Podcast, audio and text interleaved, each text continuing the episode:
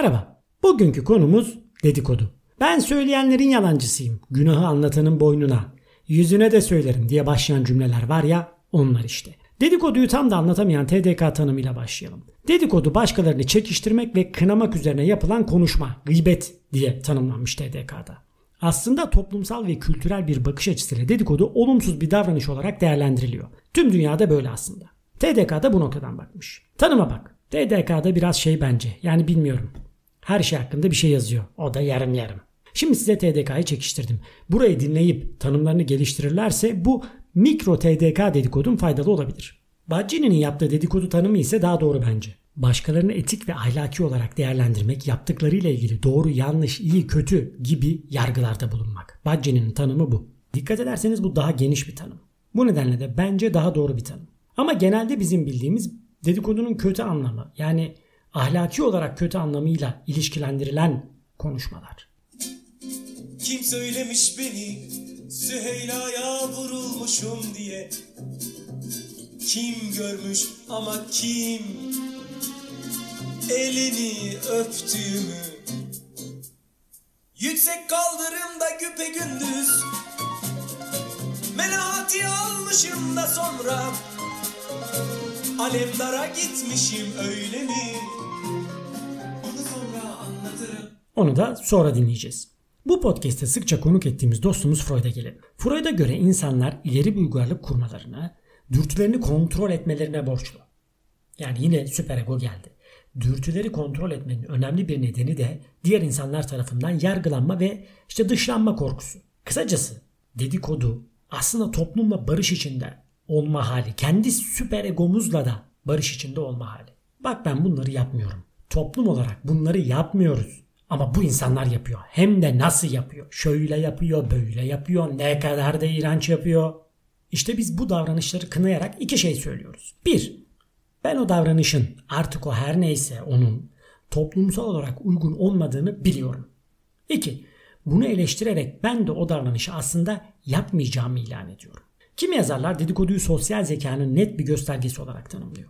Dedikodu örgütlenme biçimidir diyen de var. Yani aynı şeye birlikte çık çık çık çıklayarak bir örgüt üyesi haline geliyoruz. Aynı şeyi tasvip etmeyenler örgütü. Örneğin evrimsel biyolog Robin Dunbar dedikodunun büyük gruplarda sosyal bağ kurmaya yardımcı olduğunu söylüyor. Bir şekilde insanları bağlayan bir yönü var yani.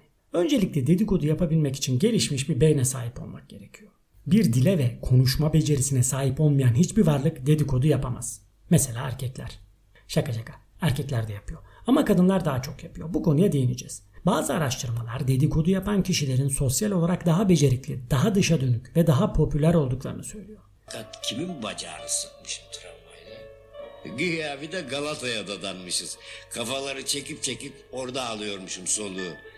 Geç bunları anam babam geç geç bunları bir kalem.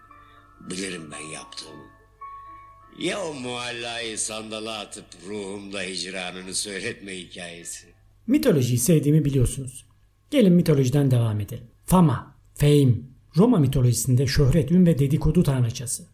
Elinde bir boruyla tasvir edilir. Sanki boruyu öttürüp duyduk duymadık demeyin der gibi. Fama'yı en net Romalı şair Vergilius'un şiirlerinde görürüz. Turva'dan kaçan Aeneas Kartaca'ya gelir. Burada Kartaca kraliçesi çikolata gibi bir kadın olan Dido ile karşılaşır. Ve aralarında bir çekim başlar.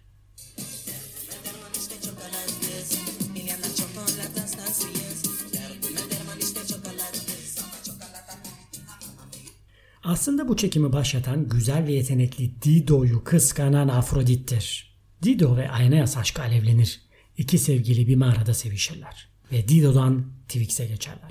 Afrodit bunu Fama'ya bildirir. Dedikodu tanrısı Fama ise beni bilirsin hayatım dedikoduyu hiç sevmem ama diyerek bunu tüm dünyaya yayar. Gelen baskıdan iflah kesilen çift ayrılır. Aeneas Truvalı yoldaşlarıyla birlikte İtalya'ya doğru yola çıkar. Dido ise intihar eder. Vergilius Fama'yı birçok ağzı ve gözü olan ve çok hızlı hareket eden simgesel bir varlık olarak tanımlar. Çok hızlı hareket etmesi de dedikodunun hızlı yayılmasına bir göndermedir. Gelin şimdi dedikoduları biraz sınıflandıralım. Mesela çok naif, haber amaçlı olanlar var. Sadece bilgi vermek amacı güdüyor bunlar. Aynı olmuş biliyor musun? Şaziye Hanım'ın oğlu Orhan evden ayrılmış. Bitti. Bilgiyi verdi. Şimdi daha bir örgütlü kınamaya geçelim. Burada ek bilgi gerekiyor. Şaziye Hanım'ın oğlu Orhan evden ayrılmış. Tamam. Ünlü bir yönetmenin evine taşınmış. İşte ek bilgi geldi. Orhan şarkıcıydı. Yönetmen için de şöyle böyle diyorlar. O yönetmenle sözüm ona tiyatro oyunları yapıyorlarmış artık ne oyunlarsa. Gayme oldu ki çocuk. Ay kız ne diyorsun anlamadım. Diyorum ki Şaziye Hanım'ın oğlu Orhan bence gay. Orhan Gencebay mı? Yani böyle yavaş yavaş kınamaya doğru gidebilir. Haber tipi dedik.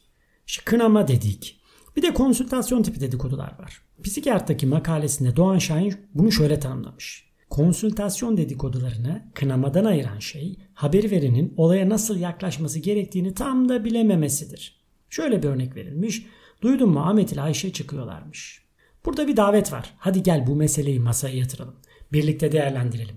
Gömelim mi, sevelim mi? Aslında iyi oldu çok yakışıyorlar. Tadında gidebilir bu dedikodu. Ya da ayol Ayşe onu donunda sallar. Ahmet'in aklından neymiş gibi dedikoduya konu olan o iki kişiyi kınamaya doğru gidebilir.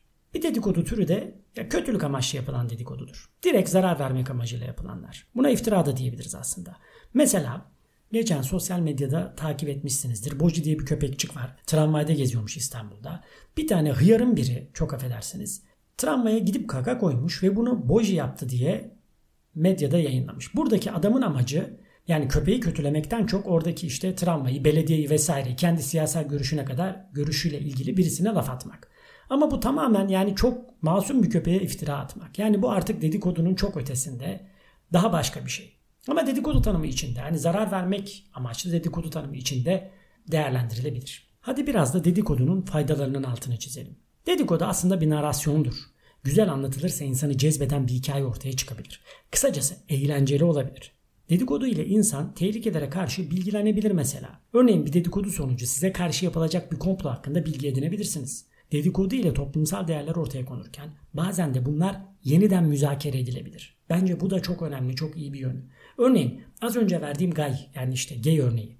Bunun dedikodusu yapılırken toplumsal değişim, kabullenme ve empati değişin içine girerse eğer her ne kadar konu işte ağız sulandırıcı bir dedikoducu dedikodu olsa da toplumda geylik aslında çok da acayip bir şey değil algısı yavaş yavaş yerleşmeye başlayabilir.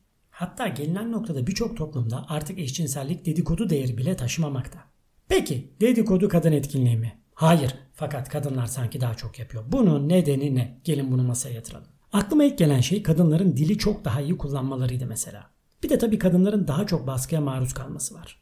Kadınlar için daha çok kural var. Kadınlar bu kurallara uymayanların dedikodusunu yaparken kendilerini de güvenli bir alana çekiyor olabilirler. Ben bunu eleştiriyorum demek ki kurallara uyuyorum gibi. İngilizce etimolojisi şöyle. God sib. Oradan geliyor. God sib. sib sibling'den geliyor. Yani Tanrı'nın kardeşi, Tanrı'ya yakın olma, bir de doğan çocuğun vaftiz annesi anlamları var. Ebe ile, ebe ile bağlantılı bir kelime. Yani doğumu, yaratımı gerçekleştiren kişiyle bağlantılı. Orta çağda sadece kadınlar doğuma giriyorlarmış ve orada konuşurlarmış. Bu doğum esnasında bazen de işte bu konuşmalarda bildiğimiz dedikodu yaparlarmış. Kelime bu nedenle dişi bir personaya bürünmüş. Ve tabi kadınlar daha çok yapa yapa ustalaşmışlar da sanki. O yüzden daha da iyi yapıyorlar. Herb Schreiner'ın bir sözü var. Üç kadın bir köşede konuşuyorsa buna muhabbet denir. Dedikoduysa bunlardan biri ayrıldığında başlar.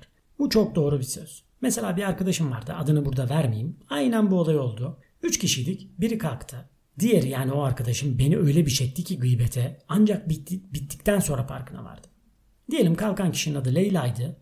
Ya Leyla da iyi kız ama bazen diye başladı Leyla'nın bana ettiği lafları araya sıkıştırıp aklımı bir bulandırdı. Yani bulandırmış ki onu sonradan fark ettim. Bir baktım ki ben de Leyla ile ilgili bir şeyler söylüyorum. Bir de bakın bu dedikoduyu başlatanlar, dedikoduyu lead edenler aslında çok da iyi dinleyicidirler. O da o kadar güzel dinliyordu ki yapmalar hadi canımlar çok şaşırdımlar ağzını açarak gerçekten mi aa demeler sağ elinin üstünü sol elinin böyle avucuna vurarak kafayı iki yana sallayıp dil ısırmalar dinlerken performans sergiliyordu. Kısacası dedikodu ne gerektiriyorsa yaptı. Bence de bu bir sosyal zeka belirtisi. Toparlayacak olursam dedikodu aslında iyi ve kötü yönleri olan toplumsal bir alet gibi. Bunu kendimizi korumak, bilgi edinmek ve yaşama karşı güç sağlamak için kullandığımız ölçüde faydalı oluyor. Ancak zarar vermek ve dezenformasyon için kullanıldığında da zararlı bir silaha dönüşüyor. Podcast'i Claudius'un şu sözüyle noktalamak uygun düşer sanırım. Her bildiğini söyleme ama her söylediğini mutlaka bil. Bir sonraki podcast'in konusu modern kölelik olacak. Saat 9, akşam 5 modern köleliği. Ve bu kölelikten kurtulan bir arkadaşım konuğum olacak. O zamana kadar sağlıcakla kalın.